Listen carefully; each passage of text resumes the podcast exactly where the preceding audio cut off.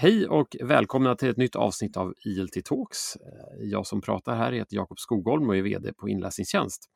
Med mig i studion idag, fast på distans som det sig bör dessa tider, så har jag Barbro Westlund. Välkommen Barbro! Ja men tack Jakob! Jättekul att vara med. Ja, det tycker vi med. Ehm, ja. De flesta känner nog dig till namn. Eh, sådär. Du är ju välrenommerad inom läsforskning och så. Men kan du utveckla lite kort din, din bakgrund? Ja, väldigt kort. Alltså, min bakgrund är att jag är en väldigt stolt eh, lågstadielärare. Jag brukar framhäva det. Jag vill vara en stolt svensk lärare.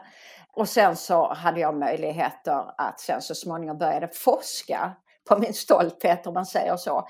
Och det jag har forskat om då, det här med både läsinlärning och läsförståelse, det vill jag gärna dela med mig av till andra lärare. Så det är väl det jag brinner väldigt mycket för kan man säga. Mm.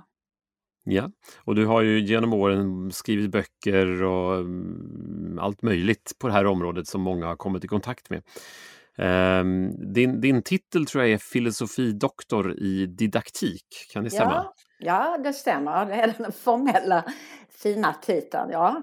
Ja, Eh, men och i dagsläget så jobbar du på, det vet jag, vi har jobbat nära dig, vi kommer till det alldeles strax. Eh, mm. Hårt arbetande men du har, du har ingen eh, tjänstgöring längre, är det så?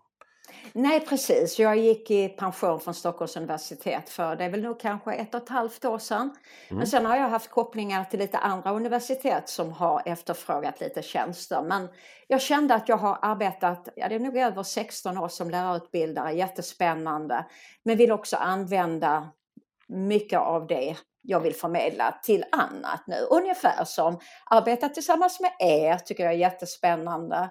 Eh, mm. och jag kanske kommer att skriva någon bok till eventuellt. Mm. Vad roligt! Eh, och jag vet att du har ju haft en hel del utmärkelser genom åren eh, från olika håll och kanter. Kan du nämna några sådana som du är lite extra stolt över? Alltså man är ju stolt över allting när man, man får en utmärkelse men jag, jag ska ändå, ändå säga något som betyder väldigt mycket för mig. Och det är då när jag är lärare, väldigt entusiastisk lärare som många är. Och eh, jag arbetade i en kommun där det fanns väldigt lite böcker. Eh, många föräldrar som inte var ja, jag hade, var väl kanske arbetslösa, många av dem. Men det fanns liksom inte mycket böcker i hemmet. Så jag startade ett projekt, ett stort läsprojekt. Och då får jag ett pris 2003 av och det hette då Utbildningsakademins första pris. Och det var jag så oerhört stolt över. Och det var egentligen det som ledde mig in på att gå vidare med forskning. Så det, det måste jag nästan nämna det priset, för annars hade jag inte suttit här. Eh, mm. och det är ju ett lärarpris och det tycker jag är väldigt viktigt att uppmärksamma. Sen kan man då säga att jag har fått andra pris som jag har blivit lika, eller utmärkelser som jag har varit lika glad för. Men jag kanske ändå vill nämna då Ingvar Lundberg-priset som jag fick 2017. Och då blev jag så stolt och glad när det sammanfattades av juryn att jag fick det för min förmåga att översätta internationell forskning till svensk klassrumspraktik. Och då kan man ju säga, det är väl egentligen det jag försöker göra i den här handledningen jag skriver för er också. Det är det jag brinner för. Mm.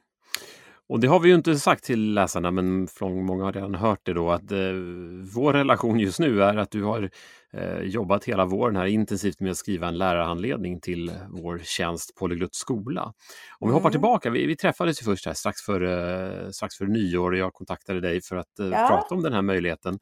Eh, kan du utveckla lite grann vad du tänkte om Polyglott skola när du, när du hörde talas om det och sen när du tittade på det och sådär. Vad fick dig att, att tycka att det här var en spännande utmaning? Mm. Alltså just det när du säger en spännande utmaning, det, det, tycker jag det är det som driver en egentligen, den här nyfikenheten att veta ännu mer. Och jag kommer så väl ihåg eh, vårt samtal då Jakob och eh, du frågade mig och jag sa, ah, kan jag få lite mer underlag, jag måste sätta mig in i det här. Och jag tänkte att jag skulle aldrig tacka ja till ett koncept som jag inte trodde på. Och då, då skickade du en massa material till mig och jag började sätta mig in i hela tänket. Och då blev jag mer och mer entusiastisk och då kände jag det här att jag har ju snuddat vid det här med digitala texter kontra papperstexter. Det finns i flera av mina böcker. Men jag har inte gått så på djupet med den forskningen som egentligen ja, både bejakar digital läsning men också eh, ställer de här olika mm, läsarterna mot varandra.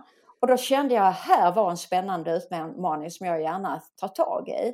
Och ju mer jag har hållit på med att skriva den här handledningen, ju mer entusiastisk är jag just nu. Mm. Så att eh, jag är väldigt glad för att du ringde mig och för att jag tackade ja. Så är det faktiskt. Mm.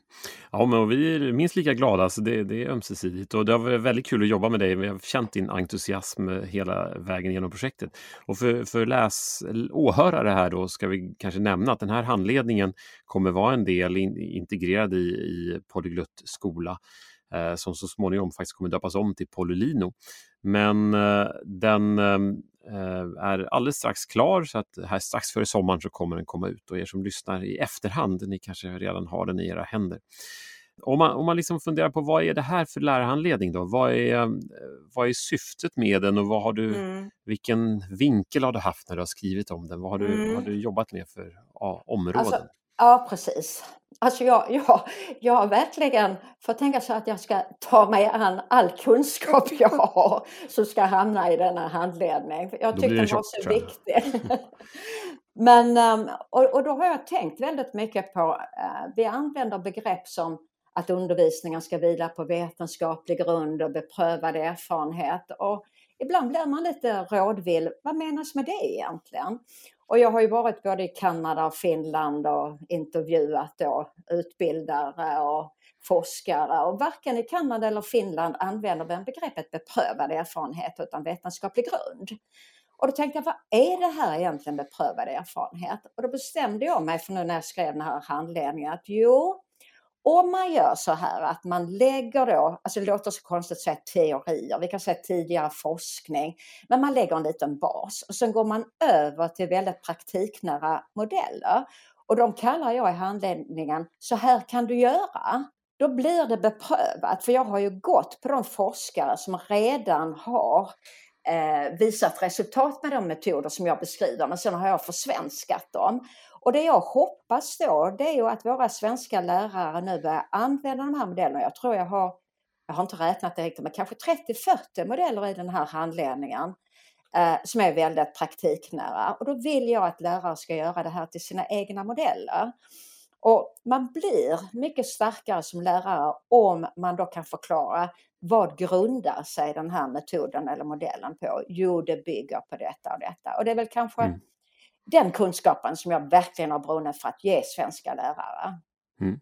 Så om man sammanfattar det du säger, om man frågar sig vad, hur, hur är den här handledningen uppbyggd, så är det en kombination av då just eh, teori utifrån internationell forskning mm. och sen hur det kan omsättas i praktiknära modeller i klassrummet kopplat ja, till precis, läsning. Och precis. Och det är så jag önskar att lärare ska se det. Så att om man då blir sugen på en modell och arbeta med just det, att man tänker, man, hur hängde detta ihop då med forskning? Så ska man snabbt kunna slå upp och bara läsa lite kort. Ja, just det, det var ju detta det handlade om. Mm. Så det är så jag tänker en pendelrörelse mellan teorin och praktiken. Mm. Så det är väldigt praktiknära handledning. Det är väldigt viktigt att säga det. Att man ska få de här verktygen mm. i klassrummet. Det är det jag önskar. Och jag kan tillägga också från vår sida, från inläsningstjänst och från Polygluts sida, så är vår tanke nu att utifrån din handledning så, så vill vi se hur vi kan dra de här modellerna vidare in i tjänsten och stötta lärarna i sitt arbete i de här, i de här modellerna inne i tjänsten. Eh, så det, det är för oss en språngbräda framåt när det kommer till läsutveckling, lästräning och läsförståelse. Mm. Så det är jättekul att ha den här vetenskapliga grunden som allting lutar sig på. Och den är ganska omfattande kan jag också avslöja. Utkasten vi har sett har legat på ungefär 130 sidor. Så det, är en, det är en väldigt matnyttig dokumentation som, som alla lärare kan få ta del av här. Så det är spännande. Eh, om du skulle välja ut någon metod, jag har själv en för näsan här närläsning eh, ja. och, och, hur du definierar det och vad det betyder kopplat till textsamtal. Kan du borra igenom det lite grann så, som ett exempel? Ja, eh, alltså jag, jag, jag, kanske skulle vilja börja i begreppet textsamtal då, för närläsningen mm. hör ihop med det. Och man kan ju använda boksamtal, men jag använder textsamtal eftersom det kan ju vara också att man läser böcker och jämför med någon artikel man har läst, alltså man öppnar upp mot samhället sin bokläsning eller textläsning.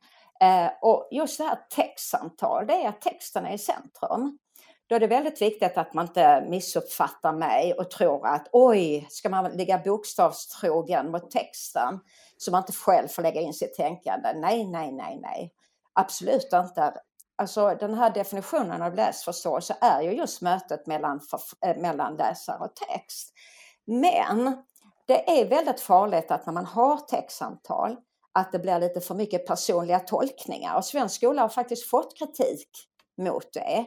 Man har inte texten i centrum utan plötsligt så har man läst en text och så börjar man prata om sin semester eller allting ovidkommande som inte kommer fram i texten. Och då tycker jag det är väldigt viktigt, då nämner jag en väldigt känd författare som jag tror många har kommit i kontakt med, nämligen Aidan Chambers om boksamtal. Och många har kanske missuppfattat att han menar i sina Jag undrar-samtal att man får tycka vad som helst. Men om man läser noggrant Aidan Chambers bok och tittar på litteraturlistan, det är ju sånt som jag är lite nördig med, så ser man ju att han är inspirerad av just, nu säger jag, textorienterade teorier. Mm. Och från de textorienterade teorierna, alltså texten i centrum, då uppkom metoden närläsning. Och läser man de ögonen, alltså vad Aidan Chambers menar, vad andra menar om vad textsamtal är, alltså nu pratar jag om strukturerade textsamtal, så handlar det om att man går i närkamp med texten, packar upp den steg för steg. Så närläsning är ju egentligen att läsa texten väldigt nära. Mm. Och sen har det ingen motsättning om att man säger då, men då undrar jag så här. Men när man diskuterar texten så hittar man också bevis eller um, man hittar uh, fog för sitt tänkande från själva texten. Mm. Så det är väl det jag vill komma fram till och då när jag skulle skriva den här handledningen då började jag och då blir jag sådär att då måste jag liksom gå till botten med det här. Och då hittar jag då väldigt kända forskare som deras böcker är översatta till svenska. Eh, och det finns ju handledningar så jag behöver inte nämna dem vid namn nu. Men när det då har varit motsättningar ibland mellan närläsning och en annan typ av läsning där man lägger in mer erfarenhet och personlighet så blir jag så glad när jag läser de här forskarna som då sätter ner foten och säger det är ingen motsättning. Det handlar om en balanserad undervisning och det är där jag känner att jag hör hemma. Både när det gäller det här med, för nu pratar vi läsförståelse egentligen, men i handledningen finns det ju väldigt mycket om läsinlärning också. Och det är mm. också att ha en balanserad syn. Och det är den jag har velat föra fram. Det är inte antingen eller utan vi har olika syften med vad vi vill våra elever ska utveckla för kompetenser. Och det är detta jag tycker är så viktigt att lärare får de här verktygen. Mm. Mm. Och det här kan vi säga, alltså, det här är väl kanske just ett exempel på hur du, hur du resonerar i din handledning här kring, kring olika metoder, inte bara ja, närläsning och textsamtal. Ja. ja. Jättebra. Uh, tänker lite grann, allt den här handledningen och allt du gör har ju sin grund i den läsdidaktiska forskningen. Det var svårt att uttala mm. det där. Kan du utveckla lite grann hur den forskningen ser ut idag eh, och, och mm. hur pass spännande den är? Ja, det är jättespännande. Jag, som sagt, jag är ju doktor i didaktik så jag börjar kunna det här området. Eh, och då, då känner man att man kan prata om läsdidaktik, skrivdidaktik, bilddidaktik. Men vi ska inte gå in i de olika områdena utan förhålla oss lite vidare till begreppet didaktik, tänker jag. Och vi kan ju säga läsdidaktik nu eftersom det handlar mycket om läsning. Men det är ju de här viktiga, eller man kan säga så här, att didaktiken det är skärningspunkten mellan teorierna och praktiken, metoden. Då tror jag att alla lärare förstår vad det handlar om. Didaktiken ställer de här viktiga frågorna då. Varför undervisar jag om just det här? Vilket material använder jag? Då kan man komma in på det här med digitala texter, papperstexter. Varför? Vilka är mina elever? Hur kan jag anpassa min undervisning så att alla elever får chans att utvecklas? Så didaktiken tycker jag är grundläggande mellan det här vetenskapliga grunden och beprövade erfarenheten. Jag förstår inte om man ska förstå det här utan att ha den här didaktiska kompetensen. En reflekterande lärare är egentligen didaktisk. Mm. Mm. Jättebra. Tiden börjar rinna mot sitt slut här. Vi försöker hålla oss inom våra ramar. Men eh, om du vill skicka med någonting till, till lärare efter det här samtalet. Eh, kanske är det att de ska läsa handledningen. Eh, men om du vill plocka ut någon liten godbit eller någon tanke till, till de som har lyssnat? Ja, alltså det jag kände med mig själv när jag eh, satte mig in i det här och började titta på hela Polyglot skolas sortiment. Det var ju vilken oerhört potential det finns för en lärare att hålla sig ajour med aktuell barn och ungdomslitteratur. Och när jag då läser i internationella studier att 17 procent av årskurs fyra lärare aldrig läser en barn och ungdomsbok i fortbildningssyfte. Då tänkte jag, men det här kan vi göra någonting åt. Och en lärare kan liksom inte gå till biblioteket och låna kassar med böcker hem. Det hinner man inte med för man har så mycket undervisning. Och då tycker jag, det jag skulle vilja lämna med till lärarna Jakob, det är just här, titta på de här fina kategorierna, fundera på vilka böcker blir jag själv sugen att jobba med med mina elever? Och sen kan man då ibland tänka att den här boken skulle nog inte passa med elever, men den här. Och det är så snabbt sätt att sätta sig in i det här digitala biblioteket. Så jag tycker det är fenomenalt mm. upplägg i det.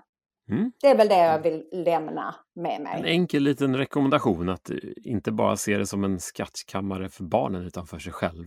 ja, enkelt. precis. Bra uttryckt Jakob. Ja, låter bra. Det var en bra avslutning kanske. Ja, det var det. Att, med det sagt så tänker jag att vi får tacka dig så mycket Barbro för både att du var med här idag i studion virtuellt men också att, eh, för det samarbete vi haft hittills.